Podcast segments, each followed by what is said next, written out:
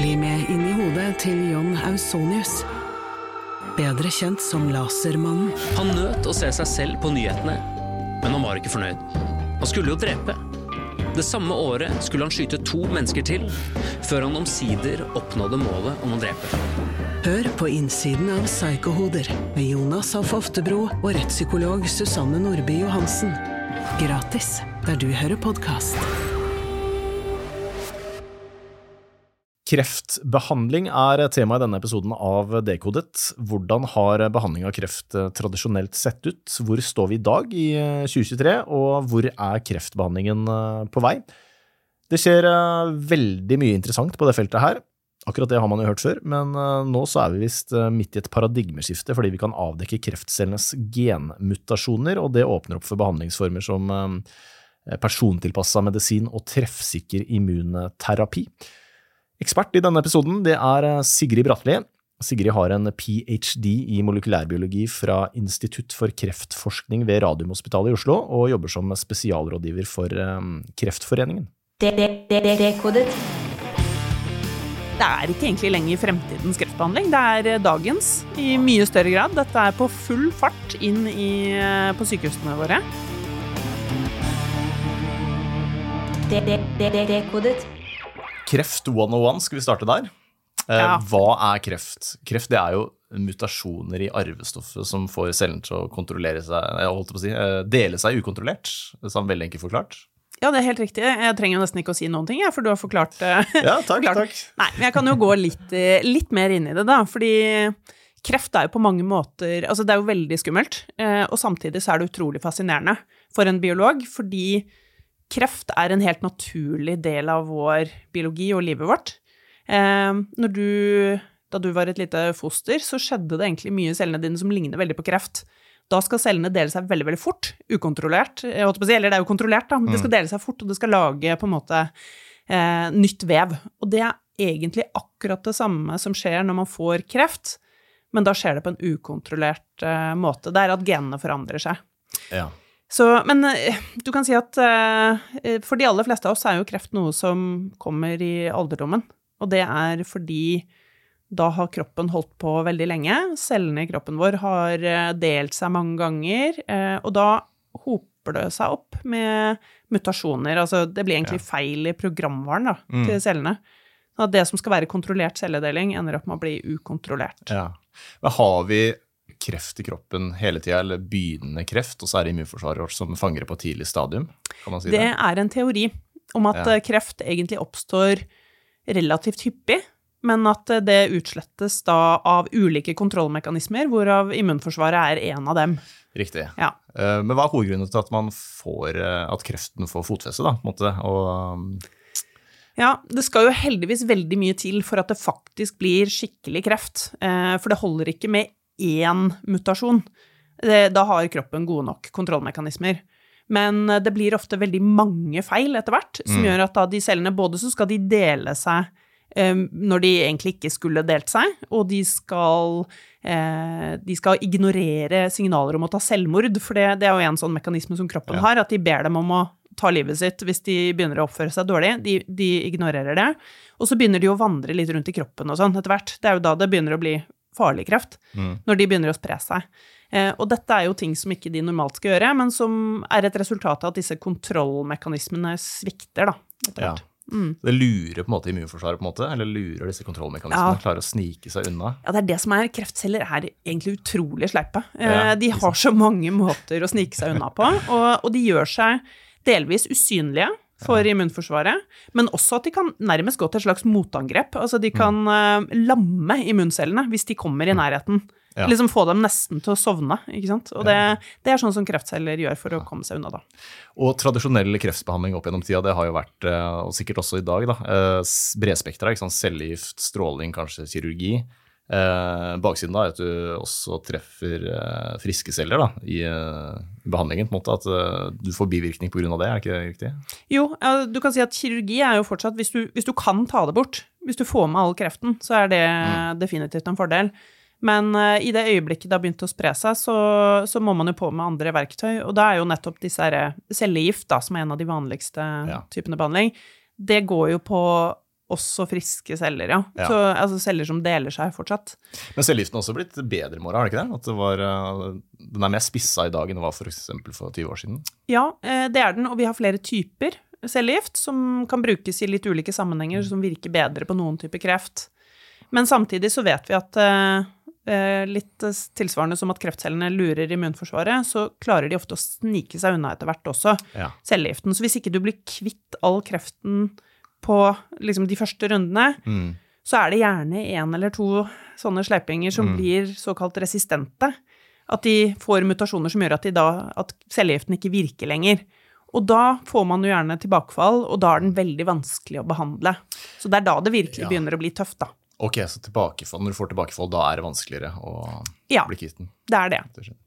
Eh, Men så til det som er ordentlig spennende, fordi du skrev at vi, vi står midt i et paradigmeskifte her nå. Altså fremtidens kreftbehandling. Da snakker vi om persontilpassa behandling, og vi snakker om uh, immunterapi. Uh, hvor vil du begynne? ja, eh, først vil jeg begynne med å si at eh, det er ikke egentlig lenger fremtidens kreftbehandling, det er eh, dagens Aha. i mye større grad. Dette er på full fart inn i, eh, på sykehusene våre. Så eh, hvis du f.eks. får eh, eh, lungekreft eller brystkreft eller en av de liksom vanlige kreftformene, så kan du typisk få da kanskje en At de tar en prøve av svulsten din, og så sjekker de genene i svulsten og ser hva er det som har gått gærent med akkurat denne kreften. Til forskjell fra kanskje en annen pasient med samme oppsi, diagnose, da. Ja. Så de, en, de lager en slags profil da, av din svulst, og så ser de hm, har vi noen medisiner som retter seg mot akkurat det som har gått gærent i din svulst. Og det fins det etter hvert ganske mye av. Eh, så en type brystkreft som har eh, Mange har sikkert hørt om eh, HER2. Det er et type molekyl som av og til blir litt sånn eh, mutert da, i brystkreft. Nå fins det medisiner som går akkurat mot den. Og det betyr at det er ikke nødvendigvis sånn at alle brystkreftpasienter kan få det, men de som har akkurat den mutasjonen, de kan få det. Persontilpassa. Ja, da tar man eh, hensyn til både kreftens egenskaper og også gjerne pasientens, da. Så Ja. noen er jo så uheldige at de har fått med seg noen sånne mutasjoner fra, fra start, altså at de har arvet mutasjoner som Mm. gir en økt risiko, og det også er relevant i, i behandling, da. Ja. Mm. Og det er det som skiller dette fra tidligere behandlingsformer. For cellegift, er ikke, cellegift og stråling er ikke persontilpassa på noen som helst måte. Det er bare Altså, det, er i, det har til en viss grad også vært det, og det har blitt mer persontilpasset, men her, disse medisinene som vi snakker om nå, de er veldig målretta mot akkurat eh, de veldig spesifikke forandringene som har skjedd i den kreftsvulsten, da.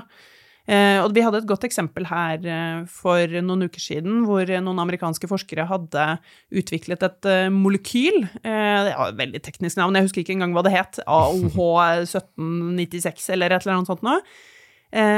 Som da de hadde klart å få til å rette seg mot et helt sånn kreftspesifikk variant av et enzym.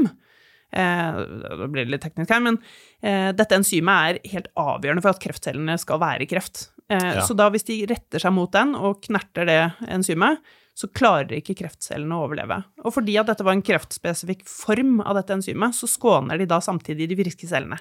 Fantastisk, da. Mm. Men er dette utprøvde mennesker, eller er det museforsøk foreløpig? Jeg sjekka nå eh, før jeg kom hit for å se siste nytt, og de har akkurat starta med prøvd ut i mennesker. De resultatene som jeg nettopp snakket om, det var i dyreforsøk, og man må jo gjerne starte, der der for å se at det er eh, trygt og har noe effekt før man går på mennesker. Men nå er det altså i gang med, på pasienter, så jeg er veldig spent på om det, om det Ja. blir like gode resultater eh, Spennende. Hvor lang tid tar det da før dette brukes klinisk, da? Som en vanlig behandling, hvis det er en suksess, da? Ja, eh, det skal jo først gjennom en del sånne runder med klinisk utprøving, hvor eh, man gjerne da prøver på de aller sykeste pasientene som ikke har så mange alternativer, da, for å se at det, liksom, at det virker og at det er trygt. Og så blir det større og større pasientgrupper. Eh, og så til slutt, da, så gjør man det i sånne kontrollerte forsøk hvor man har kontrollgrupper og sammenligner med andre behandlinger osv. Det tar jo gjerne noen år, dette. Eh, hvor fort, fort det går, det kommer an på veldig mange ting. Vi så under koronapandemien at klinisk utprøving av et, eh, i det tilfellet vaksine, kan gå veldig fort hvis behovet er stort. Og hvis denne medisinen gir veldig lovende resultater i de første utprøvingene, så vil det gå fortere senere, for da vil man jo prioritere Ja, ja. det, da.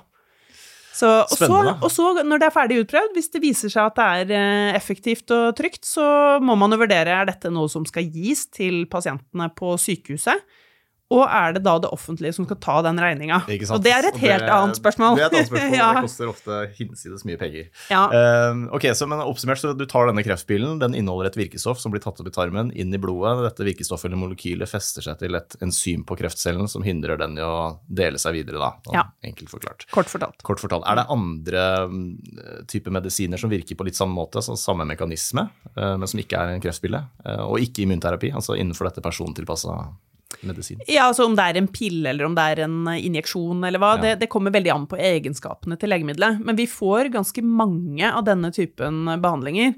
Eh, og, og du kan si at kreft, det, som jeg nevnte tidligere, så er jo det ofte fordi det oppstår veldig mange feil samtidig.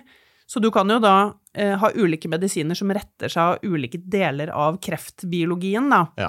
Så om det er for å blokkere et signal som går til kreftcellene som sier at de skal dele seg, eller om det er å stikke kjepper i hjula på sånne enzymer, det, det er veldig forskjellig da, virkemekanisme på disse. Men dette skyldes jo at vi har over veldig lang tid opparbeida oss veldig god kunnskap om hva kreft er, og da kan man jo egentlig rasjonelt gå inn og se hva eh, medisinene Hva man ønsker at de skal gjøre, og så screener man etter molekyler som gjør akkurat det. Riktig. Ja. Er det sånn at eh, må man kartlegge hele arvestoffet sitt, eller holder det å kartlegge liksom arvestoffet til kreftcellene? Det kommer an på hvilken kreft du har. Eh, og veldig ofte så vil man ta bare en sånn Sjekke noen få gener i kreften, fordi man har veldig gode medisiner mot veldig spesifikke genmutasjoner. Andre ganger så vet man kanskje ikke helt hvor man skal begynne, man vet ikke helt hvorfor du har fått kreften, eh, og kanskje er det mer sånn eksperimentell medisin. Da vil man kanskje ta hele DNA-et til kreften, og kanskje også til og med arvestoffet ditt, fordi det kan være relevant i forhold til hvilken behandling man skal prøve, da. Ja, ikke sant? Ja. Så samme krefttype, den oppfører seg ulikt i ulike kropper, ikke sant? Fordi vi er, nettopp fordi vi er forskjellige, da. Ja, det er nettopp det. Og vi har jo noen eh, ganske eh, sånn slående eksempler fra virkeligheten. Hvor eh, det har vært pasienter eh, Vi har, vi har en dame, for eksempel, som eh, hadde diagnosen tarmkreft. Og hun ble ikke frisk av de vanlige tarmkreftbehandlingene. Men så sjekket man da genene i kreften og så at det ligna veldig på det man typisk ser i lungekreft. Så hun fikk da medisin som egentlig var utvikla for lungekreft, ha. og ble helt kreftfri av det. Og, og det viser jo litt av det paradigmeskiftet som jeg snakket om. ikke sant? At man Klassisk så har man sett på kreft som en sykdom som oppstår i ulike organer. At det har vært måten man deler det inn på. Mens nå så blir det mye viktigere hva kjennetegner den kreften, uavhengig av hvor i kroppen den befinner seg. For det kan være ganske likt i, Ja. mellom ulike typer kreft, og så kan det være veldig ulikt ikke sant, mellom pasienter mm. en, eh, innafor én gruppe. Da. Ja. Mm. Så det å finne ut alle disse nyansene og forskjellene, det er Ja, ja. kjemperelevant. Kan det være sånn at i fremtiden så går alle til lege for å få kartlagt hele DNA-et sitt, for å liksom være sånn, litt sånn føre var, da. Så hvis man får kreft i det, det organet, så vet vi at ok, da trenger du denne type behandlingen. Ok, nå skal jeg spekulere litt, da. Eh, Jeg tror absolutt det. Jeg tror eh, det er mye genetisk informasjon som vil kunne være viktig, både i forhold til hvis du har noe medfødt risiko for en type kreft, så er det kjemperelevant, fordi da kan du f.eks. gå og skrine deg oftere, da. Hvis du har økt risiko for brystkreft, så kan du følge med, og oppdage det tidlig. Um, det er også andre ting, altså hvordan du responderer på medisiner. Noen bryter ned medisiner veldig mye fortere enn andre. Det er jo relevant for å finne ut hvilken dose man skal ha av en behandling, f.eks. Og det vil man jo kanskje kunne vite i mye større grad. I tillegg så ser jeg for meg at eh, en av standardprøvene du kanskje får på en sånn helsesjekk, da, hvis du er liksom hos fastlegen eller eh, hos bedriftshelselegen og, og får liksom undersøkelser, at du kan ta en blodprøve, eh, og der kan man da finne små biter av kreft-DNA som flyter rundt i blodet hvis du har kreft. Og dermed oppdage det tidlig. Og de har faktisk begynt i Storbritannia å teste dette på en frisk befolkning. Altså at de tar blodprøver og ser kan vi fange opp de som har fått kreft, tidlig. Ha. Så fremtiden er her, er det du sier? Den er i hvert fall på full fart inn. Ja. Det er lovende, da. Ja. Eh, en annen ting som er spennende, er dette med immunterapi. Altså at man programmerer immunforsvaret til å mm, angripe eller, mm, kreftcellene. Da, i, eh, at de er mer spesifikke. Eller ja, du kan jo forklare det sjøl. Immunterapi er noe av det mest spennende som skjer innenfor kreftbehandling. Eh, mange har jo sikkert hørt om det fra før. Vi har holdt på med det noen år. Eh, sånn jeg, førstegenerasjons immunterapi. Og da er det særlig de med føflekkreft som har hatt veldig stor nytte av det i første omgang. Det var en tilstand som nesten var synonymt med en dødsdom hvis du fikk eh, føflekkreft med spredning.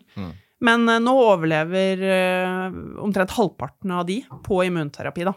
Ha. Og da, da er konseptet at du, du rett og slett eh, gjør immunforsvaret enda bedre til å finne og drepe kreftceller enn Ja. de normalt er. Og vi nevnte det jo i stad. Altså, immunforsvaret har egentlig en rolle, helt naturlig, i å holde kreft nede, men så er det nettopp det at kreftceller blir litt sånn sleipe og sniker seg unna. Men det å hjelpe immunforsvaret på vei, det kan man gjøre på ulike måter, da. Og Hvordan- disse, ja. disse første immunterapiene, de er egentlig bare en sånn eh, Du tar av bremsen på immuncellene. Okay. Eh, du hjelper dem liksom å, å, å få opp aktiviteten. Men så kommer det jo da mer avanserte metoder nå som gjør at de kan ikke bare bli mer aktive, men de kan få helt nye funksjoner i immuncellene. Så de kan lete opp kreftceller på en helt ny måte. Hvordan gjør eh, man det her i praksis, da? Er det sånn at eh, hvis jeg får kreft og får tilbud om immunterapi, så går jeg til legen eller på et sykehus, og så tar de, tar de ut litt blod, f.eks., og så programmerer de om litt på de immuncellene, og så putter blodet tilbake i kroppen, og så har jeg plutselig Ja, super det er hvis du får en litt sånn avansert immunterapi. Altså de enkleste er jo enten i tablettform eller som intravenøst. Okay. Uh, mens disse nye typene, de er uh, mye mer avanserte. Da må du rett og slett ta ut dine immunceller fra kroppen, og så må du installere da ny genetisk programvare ved hjelp av genteknologi. Uh, typisk sånn nytt leteutstyr da, som immuncellene får. Eh, og så får du cellene dine tilbake igjen i kroppen, og så gjør de jobben der, da. Ha. Og det er eh, det, Altså, de resultatene man har fått der eh, Man begynte med barn med leukemi. Og dette er da en gruppe som da, hvor alt annet feiler, hvor de egentlig ikke har noe mer igjen i verktøykassa. Eh, så prøvde de sånn programmerte immunceller, og to tredjedeler av de barna er helt kreftfrie etter den behandlingen. Det er veldig lovende, da. Ja, det er, det, det er Jeg vil si det er det nærmeste du kommer magi eh, Shit. i virkeligheten. Ja. Dette er good news. ja, det er kjempegood news. Men er det, altså Virker immunterapi og persontilpassa medisin like godt på alle krefttyper, eller er det sånn, altså hvilke, jeg holdt på å si, hvilke krefttyper anbefaler du å få, hvis man skal, hvis man skal velge fra à la carte-menyen her? Eh, Du kan si at det, det er forskjell eh, på hvilken krefttype du har, og eh, det kommer jo både an på hva som har blitt forska på i utgangspunktet, og så kommer det an på hvor syk du er i utgangspunktet. Og ofte så er det jo sånn i dag at man prøver alt det vanlige først. Type cellegift og stråling og alle disse andre behandlingene, og så går man til persontilpasset medisin, særlig da, som en siste utvei. Og ofte da så er kreften blitt ganske vanskelig å behandle, fordi den nettopp har blitt resistent og ganske sånn, ja, eh, den har blitt tøff å knekke, da. Så det vi tror, eh, og fagfolka tror, er at hvis man flytter disse behandlingene liksom tidligere, Mm. så vil de ha enda bedre effekt. Og det vil være ganske mange krefttyper som potensielt kan få den typen behandling. Men eh, i standardbehandling så er det Det er jo særlig lungekreft og noen typer brystkreft og noen typer tarmkreft som har, hvor man ser disse typene behandlinger. Og på immunterapi så er det føflekkreft, og så er det en del andre hvor det har begynt å komme inn i mye større grad. Da. Men Hva er grunnen til at man ikke flytter, at man ikke mm, bruker persontilpassa medisin på tidligere stadium i dag, da? Fordi det fortsatt er ganske nytt, og det tar tid å bli sikker på at det er bedre enn det man allerede har. Ja. For eksempel det å eh, ikke gi en behandling som har stor sannsynlighet for å virke For mange, det er jo viktig også å si da, at de behandlingene som er standard For veldig mange så virker jo det veldig bra. Man blir jo frisk. Heldigvis. Altså tre av fire kreftpasienter overlever i dag. Mm. Så det å bytte ut noe som man sannsynligvis kan bli frisk av, med noe nytt og eksperimentelt, Ja, det, skal, det tar tid da, å komme dit, så du skal være ganske sikker på at det er enda bedre Ja. enn det du allerede har. Og det tar tid, da. Men er dette noe man kan gjøre parallelt, både cellegiftstråling og persontilpassa medisin, eller klusser det med virkningene til Ja, det, det, og det er enda mer spennende når man begynner å snakke om kombinasjonsbehandlinger. Det er den veien det kommer til å gå, fordi ofte så lønner det seg å angripe kreften fra flere hold samtidig, Mm. for å unngå nettopp denne resistensen, da, og at de liksom gradvis blir verre og verre. Så bare ta dem med en gang. Mm. Så det er også framtida, at man kanskje får da nettopp en immunterapi og en annen behandling samtidig. Ja. Fordi da virker det enda bedre. Men du nevnte i stad at eh, ting koster altså er så, Hvorfor er det så dyrt? Jeg har alltid lurt på å utvikle sånne nye medisiner. Du snakker om sånne svimlende summer som er helt sånne astronomiske, liksom. Ja, og det er litt sammensatt. Eh, Det handler jo mye om betalingsvilje, ikke sant? Altså hvis du har en behandling som plutselig redder livet på uhelbredelige pasienter, så er det klart at betalingsviljen er ganske stor, og det reflekteres jo i prisen. Men det er dyrt å utvikle, og særlig det som jo følger med den utviklingen vi har snakket om nå, er at ofte så blir jo gruppene mye mindre, ikke sant? Hvis du, hvis du har en persontilpasset medisin, i ytterste konsekvens så er det helt skreddersydd, ikke sant, for deg, akkurat din kreft. Og da skal disse behandlingene, altså de som har utviklet behandlingene, skal jo da ha igjen for de pengene de har investert i det, på veldig små pasientgrupper. Da blir det høy pris per pasient. Så det er nesten litt uunngåelig at det blir dyrt. Og når vi begynner å snakke om sånne avanserte bioteknologiske immunterapier, hvor, du liksom, hvor det er en veldig sånn omstendelig prosess og mye teknologi involvert, så er, blir det, det Prislappen er veldig høy. Altså, vi snakker mange millioner per behandling. Ja. Og særlig disse som jeg akkurat nevnte nå, det er, en, det er gjerne engangsbehandling. Kjempedyr og avansert. Prislappen på markedet er rundt fire millioner for en behandling. ja, ikke sant. Shit. Er det ikke sånn at eh, staten har satt, et, satt en prislapp på et menneskeliv i Norge? Dette er det fellesskapet er villig til å betale? Eller et gjennomsnitt? Ja, Kanskje. Altså, man har jo noen tall. Altså, det man gjør, er at man eh, definerer hvor mye man er villig til å betale for et såkalt kvalitetsjustert leveår. ikke sant? Altså hvor mye Ja, er et, okay. et år verdt, på en måte, da, i, Mm. øh, i et liv. Men, men det er også forskjellig for ulike sektorer. Uh, Dette er litt sånn sammensatt, og det som er ironisk, er jo at uh, ofte så er eh, prisen man er villig til å betale for et liv, lavere i helsesektoren enn det er i en del andre sektorer. Mm. Altså man er villig til å investere mer i f.eks. sikringstiltak på vei for å redde liv, enn man er for å bruke på medisiner Hva da, er i helse. rasjonalet bak det, liksom?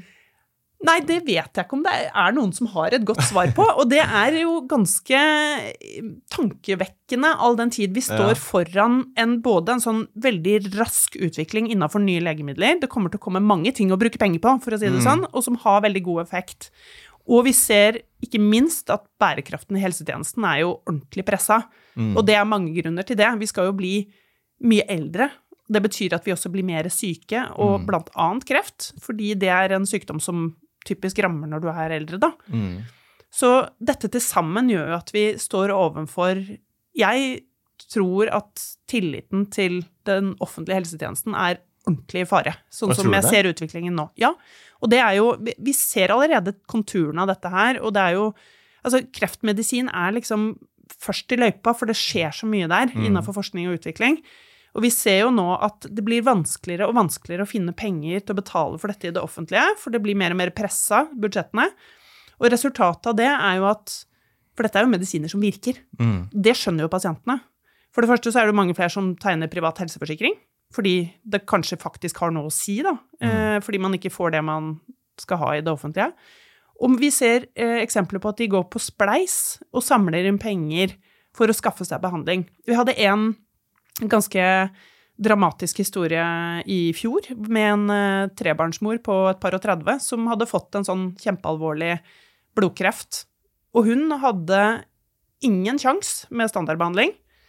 Hun hadde 50-50 sjans med en sånn ny kjempedyr eh, immunterapi, eller genterapi, da. Så hun eh, samla penger på Spleis og dro til Sverige og fikk den, og er kreftfri i dag.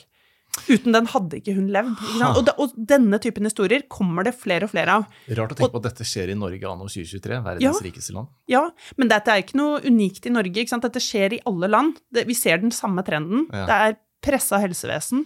I noen land er det jo i ferd med å kollapse helt eh, på grunn av ressursmangel Mm. og pengemangel. Og sånn vil det være i Norge også. Det er ganske dramatisk, og vi må virkelig ta inn over Ja, oss hvordan shit. skal vi gjøre dette.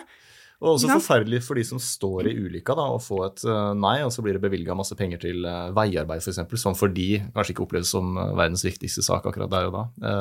Ja, det er en re relevant diskusjon. Hvordan prioriterer vi også mellom disse sektorene? ikke sant? Og det var en undersøkelse i fjor som viste at helse er det folk flest mener at regjeringen bør prioritere høyest. ja. Og det skal man ta på alvor.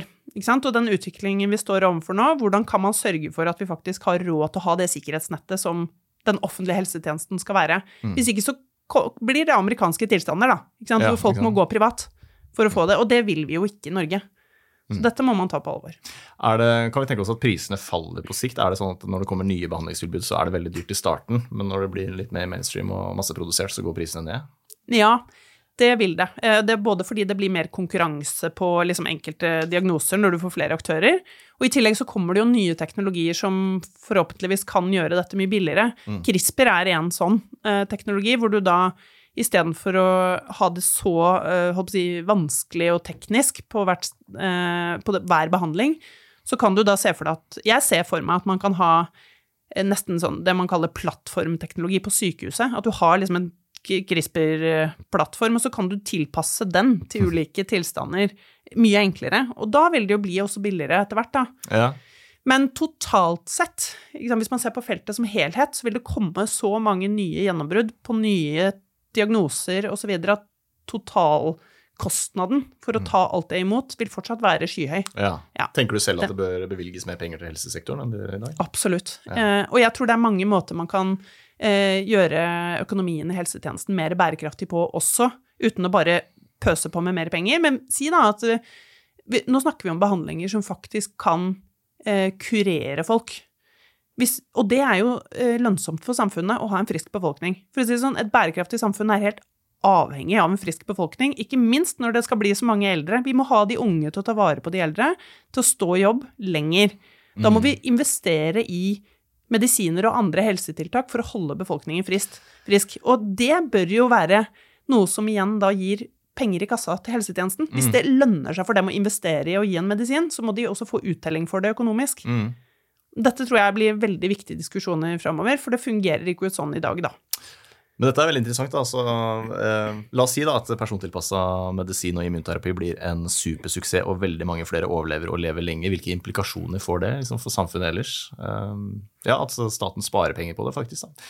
Jeg tenkte jo kanskje at det kommer kostnader med det, da, at vi lever lenger og Ja, det er jo ikke et, det er jo ikke et enkelt regnestykke. Hvis man virkelig går liksom i den liksom ytterst, På ytterpunktet her, så kan man si at eh, eh, det koster jo samfunnet enormt mye å ha gamle folk i live. Men vi kan jo ikke, vi kan ikke gå dit at vi begynner å snakke om at vi ikke skal bli gamle. ikke sant? Så uh, hvordan vi skal tenke helseøkonomi, er et sammensatt spørsmål. Men vi må prioritere helsetiltak som sørger for en friskest mulig befolkning. Men det er klart, altså, med bare de demografiske endringene som kommer uansett, med at vi lever lenger, Mm. så vil det bli uh, en stor kostnad for samfunnet å drive et helsevesen. Ja. Mm. Hvor uh, ser du for deg at vi er om uh, 10-15 år? Jeg ser på deg som en sånn uh, optimistisk person. Ja, eh, jeg er det. Altså, og da spør du jo teknologen, ikke sant? Ja. Jeg, jeg er kjempeoptimistisk. Og det er jo også litt fordi at vi får eh, stadig bedre verktøy, og kunstig intelligens er jo et av dem.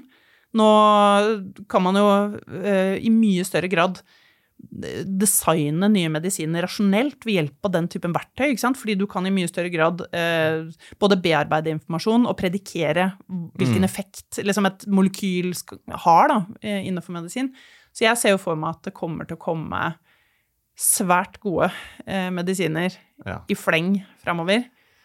På ikke bare kreftområdet, men på mange. Og, og et av de andre områdene som blir veldig spennende, er jo dette med demens, som Ja. jo vil være en, en stor Som fortsatt er en kjempestor utfordring. Og se om vi klarer å liksom løse noe av det, da. Ja. Uh, tror du at vi i vår levetid på et eller annet tidspunkt kommer til å se på kreft som sånn fordumssykdom som uh, folk sleit med før i tida?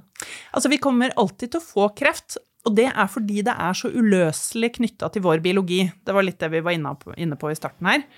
Eh, men at kreft kan bli en sykdom som man i veldig stor grad lever med, og ikke dør av, det tror jeg. I løpet av vår levetid? Ja, det tror jeg. Det, det, det, det, Dekodet.